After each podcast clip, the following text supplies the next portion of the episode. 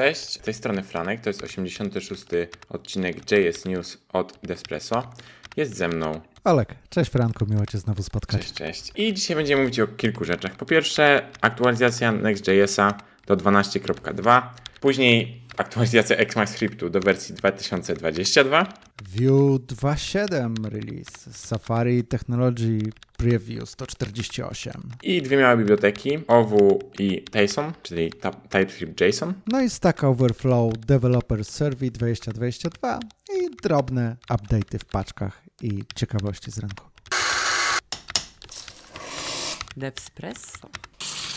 Newsy przedstawi dziś Franek. I Olek. Dobra, to zaczniemy sobie od Nexta wersji 12.2. Jest kilka zmian. Powiedziałbym, że są trzy kluczowe tematy, które się pojawiły, czyli po pierwsze Edge, czyli serwery edge'owe, te najbliżej nas, z którymi się łączymy, żeby dostać kod jak najszybciej. Po drugie temat middleware'a, czyli rzeczy, które się dzieją zanim e, nasza apka się odpali i rzeczy pomiędzy odpaleniem naszej apki nextowej, a w sensie między odpaleniem i zobaczeniem przez użytkownika, a między nami. Tak bym to określił. No i trzecia rzecz, czyli jakieś tam usprawnienia e, developer experience. Więc pierwsza rzecz, ten middleware, o którym mówiłem. Po pierwsze pojawiła się lepsza wersja middleware'a, która gdzieś tam miała poprawiane API, teraz jest już stabilna, jest zbudowana na feedbacku od użytkowników, od deweloperów. No i w wersji 12.2 ta nowa wersja jest stabilna, można z niej korzystać. Można zmieniać mnóstwo rzeczy, teraz jakby jest tam dodawanie cookies, zabieranie cookies, wszystko co potrzebujecie, wszystko co jest normalnie dostępne w innych bibliotekach jest już test w Nextie i, i jest przyjemne do użycia. Przekierowania, dodatkowe headery, no jest Jest, jest. Nie powiem, że to jest coś nowego, raczej Next nadgania konkurencję, tak? Czyli gdzieś tam ekspresa w sumie. No ja to się cieszę, że stable. Stable to najważniejsze, prawda. I myślę, że efektem trochę tego, że, że mamy taki sensowniejszy middleware jest to, że jest e, teraz nazwijmy to middleware, który pozwala na regenerację statycznego kontentu. Czyli jeżeli mamy stronkę, która ma statyczne, statyczne elementy, statyczne strony, to jak wiecie, one się generują przy next, znaczy przy next build, nie build, next build e, przy procesie buildowania, potem są uploadowane, no i te statyczne są brane i serwowane użytkownikami bardzo szybko. Natomiast często są buildowane na podstawie na przykład CMS-a, czy jakieś rzeczy w gicie, różne są taktyki.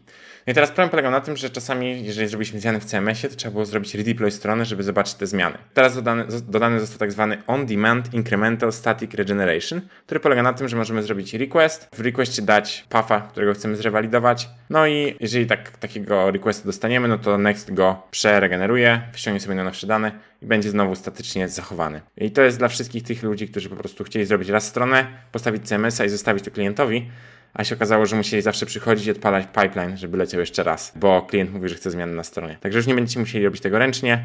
Można to zrobić w bardzo łatwy sposób właśnie za pomocą Next.jsa, który wbudował sobie to w wersji stable, specjalnie dla Ciebie Olek, e, w wersji stable w 12.2. E, potem mamy, tak jak mówiłem, dwie rzeczy związane z Edge'em, czyli Next po prostu wspiera Edge Runtime. Jeżeli ktoś używa Cloudflare'a, Cloudflare Workerów, to wie, że tam jest e, nieco inny nie Node.jsowy runtime, e, który ma trochę inne biblioteki, bardziej takie w sumie powiedziałbym przeglądarkowe, takie denowe, o może w ten sposób.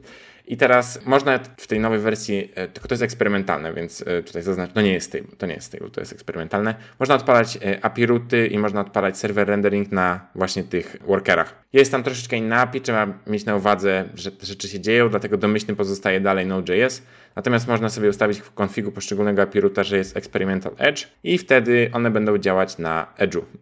Co? I tyle. Dobrze, że dodałeś. To znaczy, że nie dla mnie. Experimental. Nie. nie, nie. Ja się tam ja nie myślę, zapuszczam. Że, tak, to zdecydowanie jest coś, co dopiero się pojawi, także E, także nie ma co jeszcze się nad tym tak bardzo pochylać. Natomiast na pewno gdzieś ta edge'owa funkcjonalność jest, jest ciekawa i warto o niej pomyśleć. I na końcu, tak jak mówiłem, trochę poprawek dla programistów, bym powiedział może. To znaczy, po pierwsze, dużo improvementów do komponentu image, czyli importowanego z next slash image. Nie wiem, czy tam kojarzysz, jak to działa, ale generalnie chodzi o to, że tam jest po prostu komponent, który jest owrapowany tam panem, czy divem, czy czymkolwiek i tam jest, zachodzi taka magia, że on się ładuje, to już ma odpowiedni kształt i potem jak jest załadowany, czasami można dać placeholder w trakcie ładowania i tak dalej, tam jest mnóstwo rzeczy.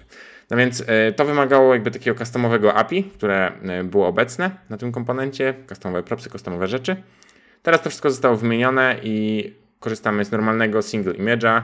Na tym mamy style propa, dajemy szerokość, wysokość, wszystko jest po prostu też na native lazy loadingu, a wyrzucony jest tam intersection observer. No wszystko zostało e, po prostu doprowadzone bardziej w stronę natywnych możliwości platformy, a mniej ze strony customowych rzeczy. Obecnie to jest po raz kolejny experimental, jest w ogóle dostępny pod next slash future slash image i to jest inny komponent. Można spróbować się przerzucić, e, bo będzie pewnie łatwiej tego używać najzwyczajniej w świecie. Plus oszczędzi Wam to problemów, jak to będzie już stabilne. No i improvement na performance tutaj widzę z racji tego lazy loadingu będzie z całym React Hydration i, i JavaScriptem po stronie klienta. Fajnie. To mogłoby szybciej do stable. Tak, to jest e, prawda. Dlatego mówię, warto już spojrzeć w tę stronę, bo to pewnie nie będzie się pod kątem API wiele zmieniać, że jakieś edge cases będą dopracowywane.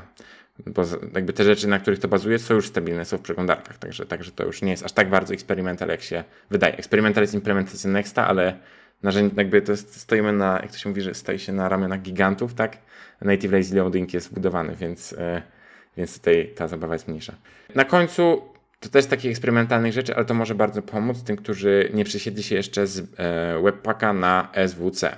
W wersji 12 ma swój własny kompilator i on korzysta właśnie z SWC, to jest napisany w raście kompilator JavaScripta slash TypeScripta. Niektórzy nie korzystają z niego, ponieważ używają customowych pluginów do Webpacka, które, czy tam do Babela, bo pod spodem jest Babel w Webpacku, i jeżeli mają te customowe komponenty, no nie mogli się przerzucić. No to teraz jest możliwość, żeby do SWC dodać swoje komponenty. Muszą być co prawda napisane w WebAssembly, natomiast powiedzmy, że to nie jest jakaś nadzwyczajna rzecz, zważywszy na fakt, że SWC to po prostu, też po prostu się kompiluje do WebAssembly. Można te pluginy dodawać, to jest też eksperymentalne, więc uwaga, natomiast można dodawać te pluginy, więc jeżeli macie jakąś, coś, co Was wstrzymywało bardzo y, przed przerzuceniem się, na SWC, a naprawdę kompilacja jest milion razy szybsza, jeżeli używamy tego narzędzia i bardzo, bardzo, bardzo rekomenduję w imieniu wszystkich deweloperów, którym ewentualnie rozkazujecie, e, żeby używali tego webpacka, który naprawdę jest bardzo powolny, przepraszam, ale miałem z tym doświadczenie i, i to było bolesne doświadczenie. Także jeżeli coś Was wstrzymywało przed przerzuceniem, to rozważcie teraz tę drogę, e, używanie pluginów i jakby migracja najzwyczajniej w świecie. Oprócz tego jest jeszcze całe mnóstwo małych poprawek, wsparcie lepsze dla React 18 na przykład. No i e, gdzieś tam w tle cały czas przewija się layouts RFC, czyli Request for Comments. To jest jeden z największych zmian jakby w Nextie samym sobie. Ewidentnie podyktowana tym, że poczuli na plecach oddech e, Remixa. Także można sobie do tego layouts RFC podejść, e, zobaczyć sobie jak wygląda. Ta dyskusja cały czas trwa, ale w dużym skrócie będą zagnieżdżone layouty, będą zagnieżdżone fetchowanie danych itd., tak itd. I ogólnie ma być przyjemniej, ma być tak bardziej remixowo, tak bym to nazwał. Sorry, e, sorry, jeżeli to, to jest trochę brzmi no, jakbym, jakbym był e, supporterem remixa. Osobiście korzystając z remixa przerzuciłem się z powrotem na Nexta, więc nie, nie, jest, nie jest tak, że, że jakoś super wspieram, natomiast ewidentnie te zagęszczone layouty mają swój duży potencjał, więc fajnie, że to się pojawi prędzej czy później w Nexcie. Co, jeżeli macie jakieś fajnie. przemyślenia, to warto się odezwać, bo ta dyskusja, tak jak mówię, cały czas trwa. I to tyle, jeżeli chodzi o Nexta 12 dwa z mojej strony. Chyba, że masz jakieś pytania, Olek? Nie, nie, jak zwykle fajnie zobaczyć coś, coś od Versela w ramach Nexta dostarczone, to, to, to zawsze prawda. jest ciekawe i pozytywne raczej dla rynku. Niewiele było przypadków, żebyśmy zapłakali z racji ich zmian. To prawda. Opowiedz mi o nowym ECMAScriptie. Jasne, to jest ta wersja 2022. Zrezygnowaliśmy, jak pamiętasz, z nazewnictwa o treści, w sensie, że 6, 7, 8. Teraz mamy coroczne wydanie i w tym najnowszym mamy 7 rzeczy, na które warto zwrócić uwagę. Oczywiście w linku będą dostępne. E, pierwszą z nich jest e, funkcja add, którą możemy użyć do wszelkich wbudowanych tzw. Tak indexables, tak, czyli głównie array. I ona pozwala na wzięcie obiektu z indeksu, czyli coś bardzo podobnego do tego, co robimy kwadratowym nawiasem. Z tą jedną zasadniczą różnicą, że pojawia się znany już z Pythona taki negatywny indeks, tak? czyli ujemny. I on pozwala na wzięcie rzeczy od tyłu e, listy. I to jest bardzo przydatne. To każdy wie, kto pisał array.length minus 1, minus 2, minus 3 itd., tak itd. Zwłaszcza dlatego, że jeżeli po prostu wyjedziemy poza e, zakres, to mamy undefined, więc tutaj jest naprawdę to bardzo przyjemne w użyciu i na pewno skróci ileś... I game over. game over. No albo game start, zależy jak na to spojrzeć. No, będzie, będzie na pewno w wielu codebase'ach znacznie mniej plików, przynajmniej taką mam nadzieję. Więc, więc powiedziałbym, że to jest całkiem, całkiem duży feature, jak na to, że to, są tylko, to jest tylko jedna funkcja z jednym argumentem. Działa to też na stringi, działa to też na jakieś int8 array i tego typu, powiedzmy, wymysły, e, takie nazwy, bo ja z nich nie korzystam, ale jest to dosyć kluczowe. Z ważniejszych rzeczy jest też e, object has own i to jest, zastępuje has own property, które powiedzmy nie jest już zalecane do użycia i pojawia się właśnie object.hasown i to jest działa dokładnie tak, znaczy nie dokładnie tak samo jak e, in operator, bo in operator pokazuje wszystkie rzeczy, które nawet mamy przejęte gdzieś tam w prototype chainie, więc hasown pokazuje tylko rzeczy, które są twoim direct properties, tak? Czyli jeżeli obiekt ma jakieś, jakieś property, to zwróci true, a operator in zwróci, jeżeli gdziekolwiek w prototype chainie mamy ten, e, ten property. Więc tutaj, jeżeli chcemy badać nasz, nasz obiekt, a nie cały prototype chain, no to ta, ta funkcja nam bardzo, bardzo pomoże. Kolejną ważną zmianą, powiedziałbym, że ona jest najmniej ważna dla mnie, natomiast rozumiem jej potrzebę, jest to, że klasa error, ta wbudowana w JavaScript, ma teraz tak zwany przyczynę, tak? cause. I to jest po prostu parametr na, na errorze, który pozwala nam dać przy tworzeniu klasy, przy jej, przy, w sensie przy tworzeniu instancji klasy error, dodać właśnie powód, dla którego ten error się wydarzył. W ten sposób możemy robić jakieś zagnieżdżone errory, gdzie na przykład wywala nam się funkcja, tak? I wrzucamy, że jest error, funkcja nawaliła. Niemniej jednak pod spodem mamy, że nawaliła dlatego, że coś się na przykład nie sweczowało w wielu krokowym e, wykonaniu. Także mamy tutaj troszeczkę bardziej, znaczy troszeczkę dokładniejszą możliwość specyfikacji, co dokładnie się wydarzyło, że nasza funkcja nie odpaliła. Natomiast to jest jakby wbudowane w domyślną klasę, wcześniej dało się to po prostu zrobić z własną klasą errora, więc e, powiedziałem, że ta zmiana nie jest aż tak gigantyczna, jakby się wydawało. Natomiast gigantyczną zmianą jest to, co, o czym powiem teraz, czyli top level await. To jest na pewno coś, co każdy z nas na pewnym etapie życia robił, czyli wrapowanie e, funkcji asynchronicznej i odpalanie jej e, od razu, tak? i w E to się nazywa, czyli od razu odpalająca się funkcja i w tym wypadku robiło się asynchroniczne, żeby móc używać sobie awaitów na samej górze, a nie bawić się w promise.den coś tam, coś tam, kropka, coś tam i tak dalej. Więc teraz możemy robić e, awaita na samej górze bez wrapowania. E, potem jakby dopóki się coś takiego, i to tworzy nam moduł. I teraz dopóki ten moduł się nie wykona, e, no to nam się nie zaimportuje, to wszystkie awaity muszą się wykonać, więc jest to bardzo w porządku, na przykład jeżeli chcemy zrobić na początku gdzieś tam połączenie do bazy danych, tak, mieć jedno, jedno połączenie, na którego nawiązanie musimy chwilkę poczekać. Robimy sobie to na samej górze i nie musimy sprawdzać potem, czy to połączenie już zostało nawiązane, czy nie. Na górze czekamy, reszta modułu korzysta z połączenia, wszystko jest cacy. Kolejny sposób, żeby ściąć trochę kodu w waszym codebase. Pamiętajcie, zawsze im mniej kodu, tym łatwiej go utrzymać. Więc to jest też, uważam, znacząca zmiana, która pomoże w takich głupich przypadkach. Potem mamy usprawnienia klas. Ja osobiście klas w ogóle nie używam, więc dla mnie to są żadne usprawnienia, natomiast wiem, że są osoby, które to robią.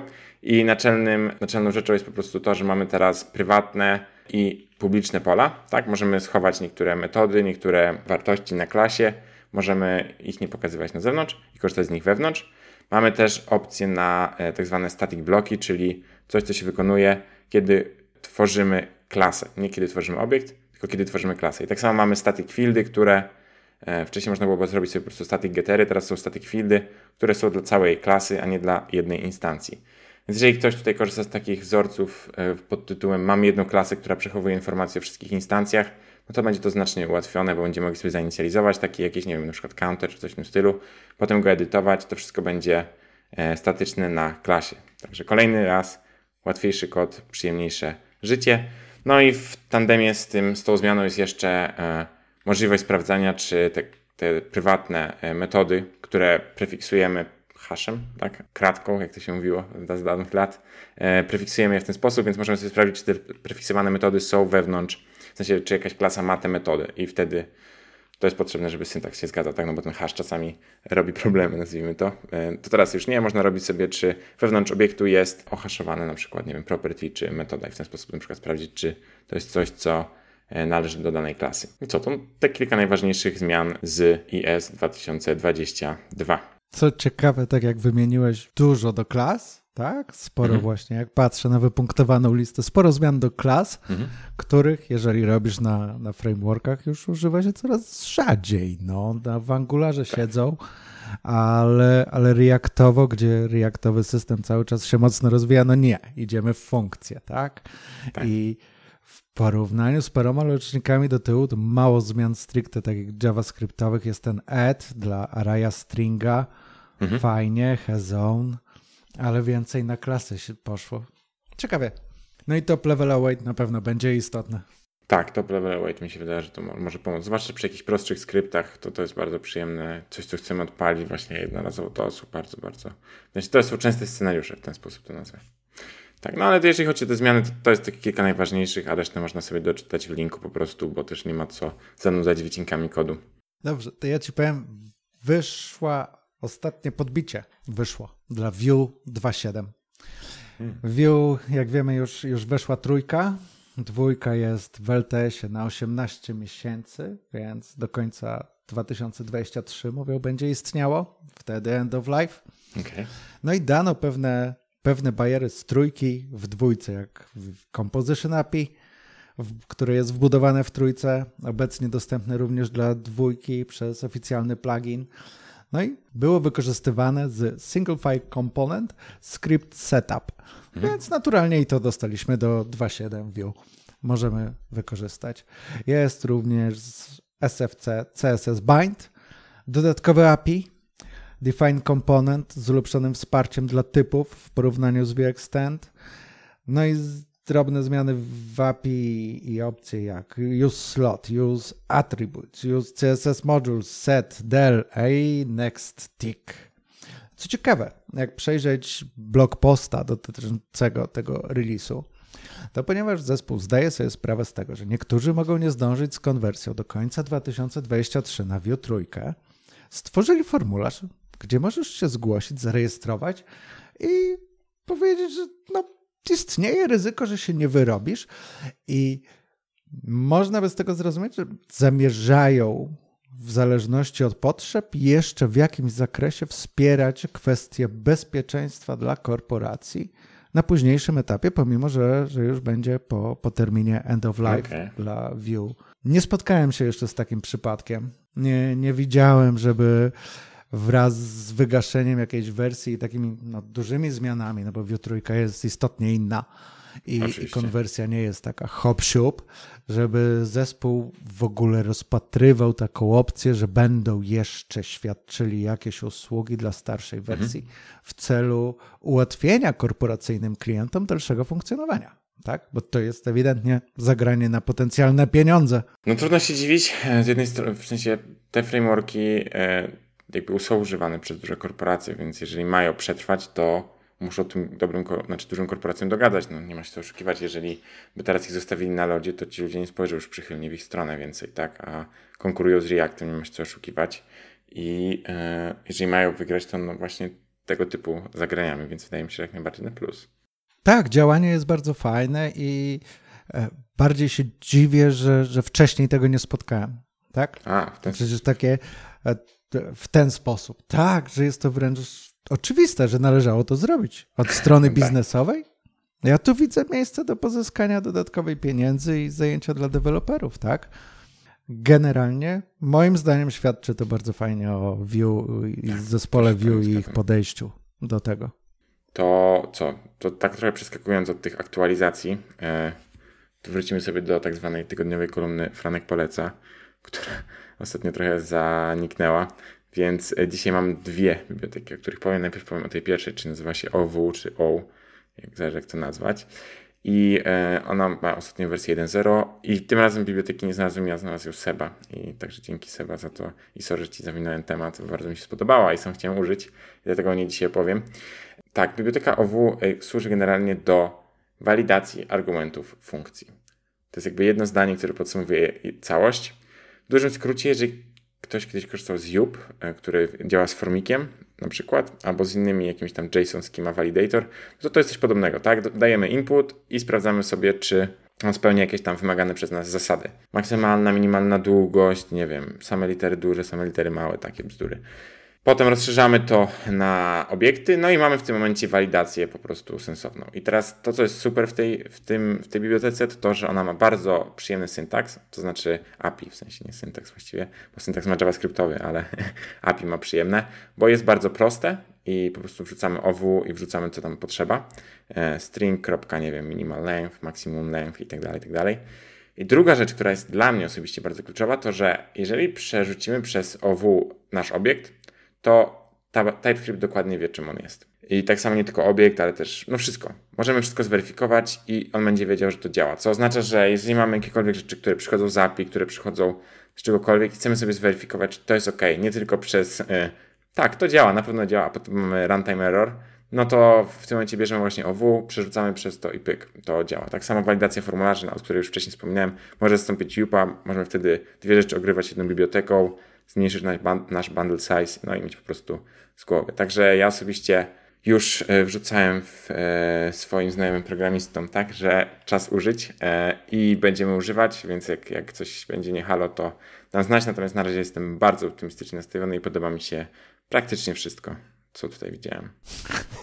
Zakładam, że właśnie to, od czego zacząłeś, czyli Function Argument Validation for Humans. Jedno słowo wstępu dla tej biblioteki. Tak, dokładnie.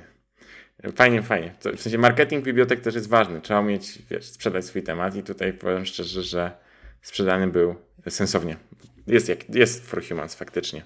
Tak, no to ciekaw jestem, jak to stestujesz, bo na czym innym jesteśmy na projekcie i, i nie, pierwsze testowanie z kim na pewno nie zostawia nam tego z TypeScriptem, więc później odbywa się meczowanie. Okej, okay, no widzisz, no to ja osobiście E, no u nas jest tak, że po prostu walidujemy to e, typeguardami budowanymi, ale to trzeba bardzo dużo kodu własnego pisać i to nie jest powiedzmy foolproof, a tutaj no, powinno być dużo, dużo łatwiej z tą biblioteką, więc mam duże nadzieje, no ale zobaczymy. Jak ktoś z słuchaczy użyje i na przykład będzie mieć jakiegoś rodzaju wnioski, to też zapraszamy do komentarza i z chęcią posłuchamy o waszych doświadczeniach. Bo cóż może pójść nie tak? Dokładnie tak. Dobrze. Release Notes for Safari Technology Preview 148 jest dostępny dla macOSa Monterey 12.3 lub nowszych, bądź macOS Ventura Beta. Można zacząć testować. Release zawiera już e, zmiany w WebKicie, omówione osobno tam. No i wchodzą rzeczy, o których chyba zresztą ja niedawno wspominałem. HES, pseudoklasa, CSS Container Queries, Trochę zmian w CSS-ie, trochę zmian w formach, animacjach. Należy trzymać rękę na pulsie, w szczególności w zakresie CSS-a, bo, bo tutaj Safari stara się gonić. No, ma trochę no, gonienia, więc dobrze, że to robią. no, niestety. Nie wejdziemy w tą dyskusję. Nie, nie, nie. Nie, nie, nie dziś, nie dziś, nie dziś.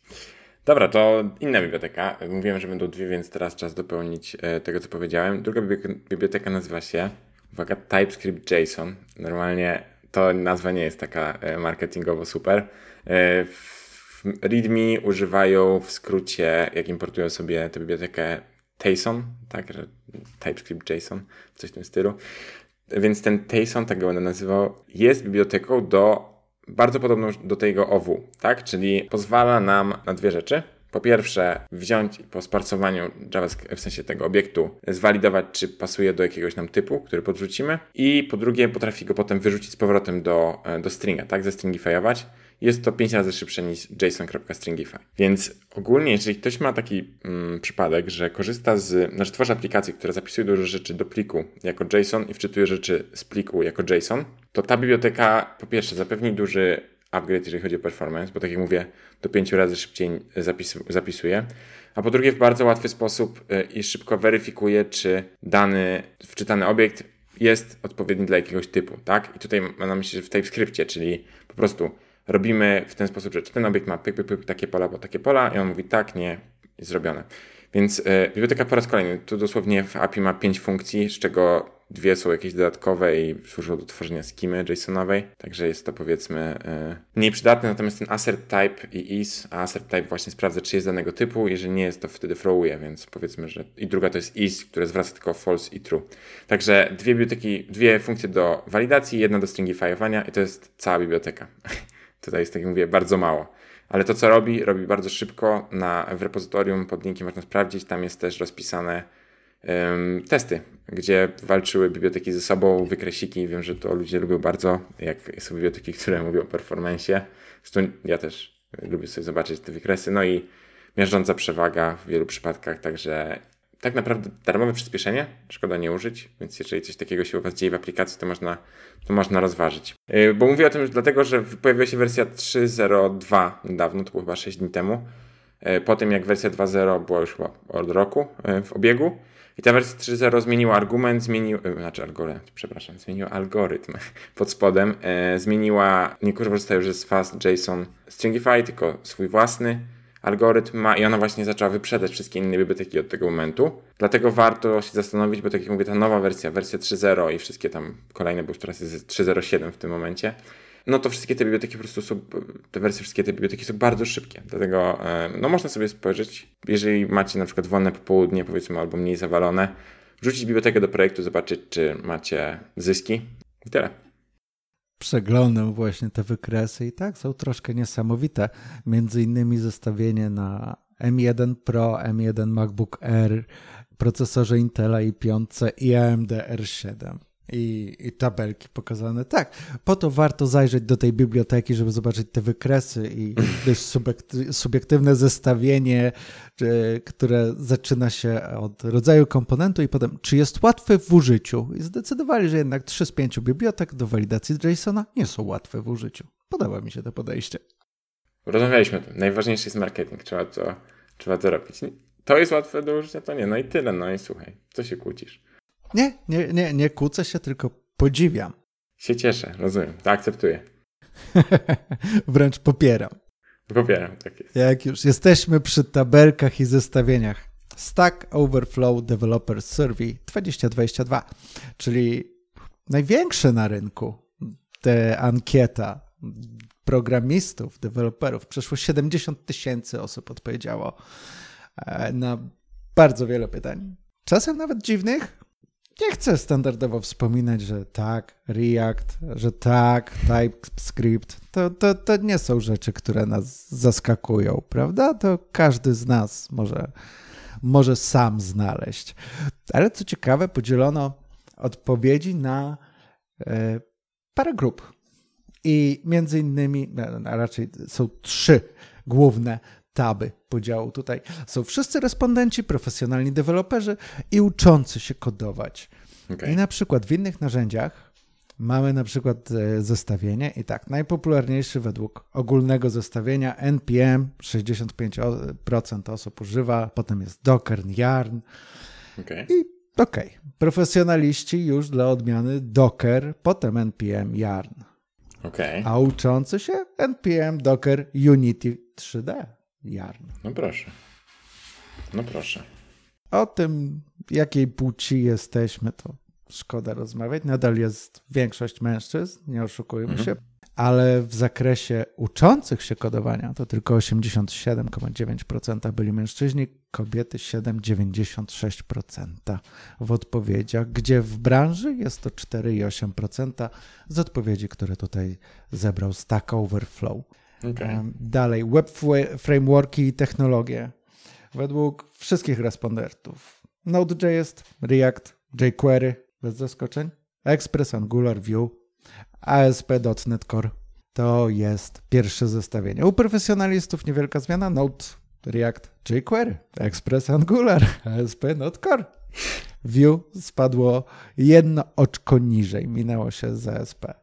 Okay. A w nauce Node, React i Express wchodzi jako trzeci. Dopiero czwarty jest jQuery. No A potem pojawia się Django. Taka niespodzianka. Tak. W rozwiązaniach chmurowych podobnie jest pomiędzy uczącymi się a profesjonalistami duża różnica. Dla wszystkich respondentów głównie AWS 51%. Potem Azura 28, Google Cloud 26, Firebase i Heroku. Profesjonaliści mówią AWS 55, gdzie wcześniej było 51. Mhm. Azura 30, było 28,7, tu jest 30,3, troszkę więcej. Mhm. Google Cloud 26,1, Firebase, Heroku, ok, nic się nie zmienia. Uczący się Heroku 35,24 to jest pierwsza pozycja.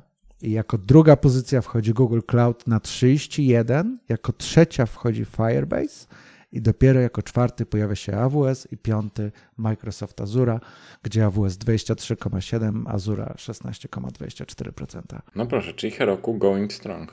jednak. W sekcji uczących się, a nie profesjonalnych, profesjonalnego wykorzystania. Tak bym powiedział, prawda? No. Że jak jesteś na etapie nauki, to do tego pewnie znajdujesz materiały szkolenia mhm. i jest to mniej przytłaczające niż te duże rozwiązania od tak. AWS-a i, i Microsoftu. No nie, nie oszukujmy się, no z tymi miałem do czynienia. To nie są proste, przyjemne nie. rzeczy. Nie, nie, z naciskiem na przyjemne nie są. No tak, tak, bym tak, to ujął. Tak, tak, I tak. czasochłonne. Bo to Strasznie. Tak Dużo blisko. rzeczy trzeba. Próg wejścia, próg wejścia, bo na Heroku próg wejścia polega na tym, że dodajesz remota z Gita i wypychasz. I co to nie będzie, zazwyczaj Heroku, cokolwiek nie rzucisz, to on to złapie. To jest niesamowite. W sensie ma przygotowane buildpacki, sam rozpoznaje, co ty wypchnąłeś, sam ci przygotowuje wszystko pod spodem, ty tylko patrzysz na wykresy w przeglądarce. 99 100 wrzucone, dostajesz linka, otwierasz. Życie jest piękne. AWS? Tak. Najpierw przeczytaj manual, potem czytaj go dalej. Jak jeszcze go przeczytasz, to wtedy zrób API Gateway, pod którym postawisz 3 EC, dwie instancje, na które teraz, jeżeli coś tam. I do tego mamy code build, który pozwala ci zrobić z tego CI, ale CI to stary, zanim dojdziesz do CI, to ty już nie będziesz się programować. Także nie, zupełnie rozumiem i, i jest to jak najbardziej akceptowalne. A AWS to, to tak, no, musisz mieć zacięcie DevOpsowe bądź faktycznie bardzo dużą potrzebę, żeby tam zaglądać, bo nawet jak otwierasz główny panel administratora i widzisz ilość opcji, to tak nie bardzo wiesz od czego zacząć i z której strony. No, ale naturalnie cały, cały materiał w linku jest. Jeżeli jesteście ciekawi i lubicie dane, polecam. Na pewno fajnie sobie przeczytać. Jakby z, z którejś tam strony, tak? Trzeba na to spojrzeć, że to w sumie wszyscy jesteśmy jakoś społecznością programistów, więc fajnie sobie zobaczyć, jak się plasujemy pod normą, nad normą i tak dalej, i tak dalej. Więc yy, no, ja na pewno przejrzę. Taka jest moja konkluzja. Może dać to nam pewien obraz rynku, bądź tak. poszerzyć może trochę poglądy, tak? Tak jest. Dla, do, do kawki proponuję. Ładnie zrobiona strona kolorowa. Dobrze. I, I mamy jeszcze trochę drobnych informacji. Uznaliśmy, że warto wspomnieć to ja pozwolę zacząć sobie. Pojawił się Cypress 10.3 e, po dużym upgrade'zie do dziesiątki, który zmienił tam mnóstwo rzeczy, m.in. logo, jak i wygląd dashboardu. Teraz są kolejne zmiany w dashboardzie, bardzo dużo bugfixów, e, bo ta, jeżeli ktoś używał dziesiątki, to wie, że są jeszcze dziury e, i są jeszcze powiedzmy małe problemy, także ekipa Cypressa nad tym działa, popoprawiała, no i wypuściła wersję 10.3.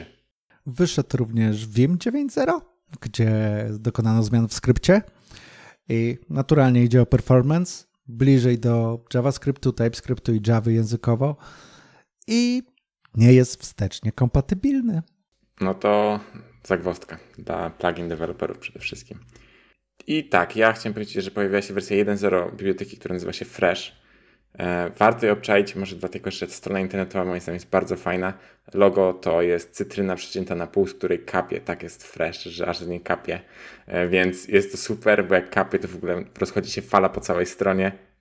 Super te rzeczy. A czym jest Fresh? Fresh to jest framework bazujący na Deno, czyli nie na Node, tylko na Deno. E, działa w ten sposób, że wysyłamy go na edge'owe serwery, tak, czyli na przykład Cloudflare, Cloudflare, Cloudflare edge'owe serwery, to jest taki powiedzmy hot topic obecnie. I one renderują to, co potrzebujesz, trochę tak jak Next, e, Next sorry, z, ze swoim server side generation, renderują to, co potrzebne, wysyłają minimalną ilość e, JavaScriptu do klienta, no i e, wszystko jest just in time, więc jest to bardzo szybkie, a w związku z tym, że jest blisko ciebie, to w ogóle z najbliższego serwera dostajesz dane. E, I co? No jest przyjemne do pracy, przyjemne do e, pomyślenia, bo jest to troszkę inne podejście. Chociaż w tę stronę też zmierzają inne frameworki, więc może nie aż tak różne. Natomiast to wersja 1.0 stabilna, więc jak czegoś szukacie, to można spojrzeć. Na ten mityczny wolny czas. Na ten mityczny wolny czas. A i gdybyśmy, gdybyśmy mieli go tyle, ile razy o nim mówimy, to, to życie byłoby piękne. No i jest jeszcze drobna zmiana. The World Wide Web Consortium. Con Consortium czyli WEC. Mhm. Od stycznia przyszłego roku zmienia formę prawną. Staje okay. się Public Interest Non-Profit Organization. Nie wiem jeszcze, jakie będą tego dla nas konsekwencje. Okay. Na pewno, jak sami uprzedzają w oświadczeniach, na początek trochę czasu zajmie biurokracja, czyli wybór rady dyrektorów, konwersja kontraktów pracowników, adaptacja do nowej struktury. I, I jak dalej będzie, na obecną chwilę informacji jest mało, ale zmieniają formę prawną, będziemy się interesowali tematem. Okej, okay. no, chociaż dobrze, że non-profit organization, skoro już jest e, public interest, to chociaż non-profit, bo już by było ciężko. Nie no, mm, może to jest tylko kwestia, e, jakiś tam problem, nazwijmy to utrudnień prawnych, tak, i że biurokracja była zbyt skomplikowana albo nie wystarczała ta obecna struktura. Może nic się nie zmieni, ale będą na pewno jakieś nowe możliwości, więc może zmienić się dużo. Fajnie, na pewno, bo to jest od, od stycznia 2023, więc mamy jeszcze trochę czasu, żeby się przygotować. No tak od ręki na pewno dla nas to nie będzie zmiana, ale w jakiejś szerszej perspektywie no tak. coś się zmieni, tak? Poprzedni okay. model prawny był jakoś hostowany, połączony z instytucjami, nie do końca rozumiem te konstrukcje, które temu towarzyszyły i, i stają się no, inaczej. Będzie inaczej i, i, i zobaczymy, jak to się przełoży na rynek i, i zaangażowanie stakeholderów wcześniej, prawda? To, że tego nie rozumiesz, jest naturalne, bo gdybyś rozumiał, to nie byłbyś programistą, tylko prawnikiem. no. Dobra, to co? To chyba tyle na dziś. Chyba, że coś jeszcze chcesz podrzucić. Tak mi się wydaje. Ja, już... ja też myślę, że powiedzieliśmy dużo. Yy, może coś się przyda. Pewnie większość nie, ale i tak pozdrawiam wszystkich naszych słuchaczy. Niezależnie od tego, co. To była przyjemność yy, z mojej strony. Dzięki Olek za, yy, za nagrywkę i do usłyszenia, myślę. No, dziękuję Ci bardzo i jak ostatnio Piotr nakłaniał, subskrybujcie, kontaktujcie się z nami, zapraszamy do kontaktu. Dzięki, hej. Hejo.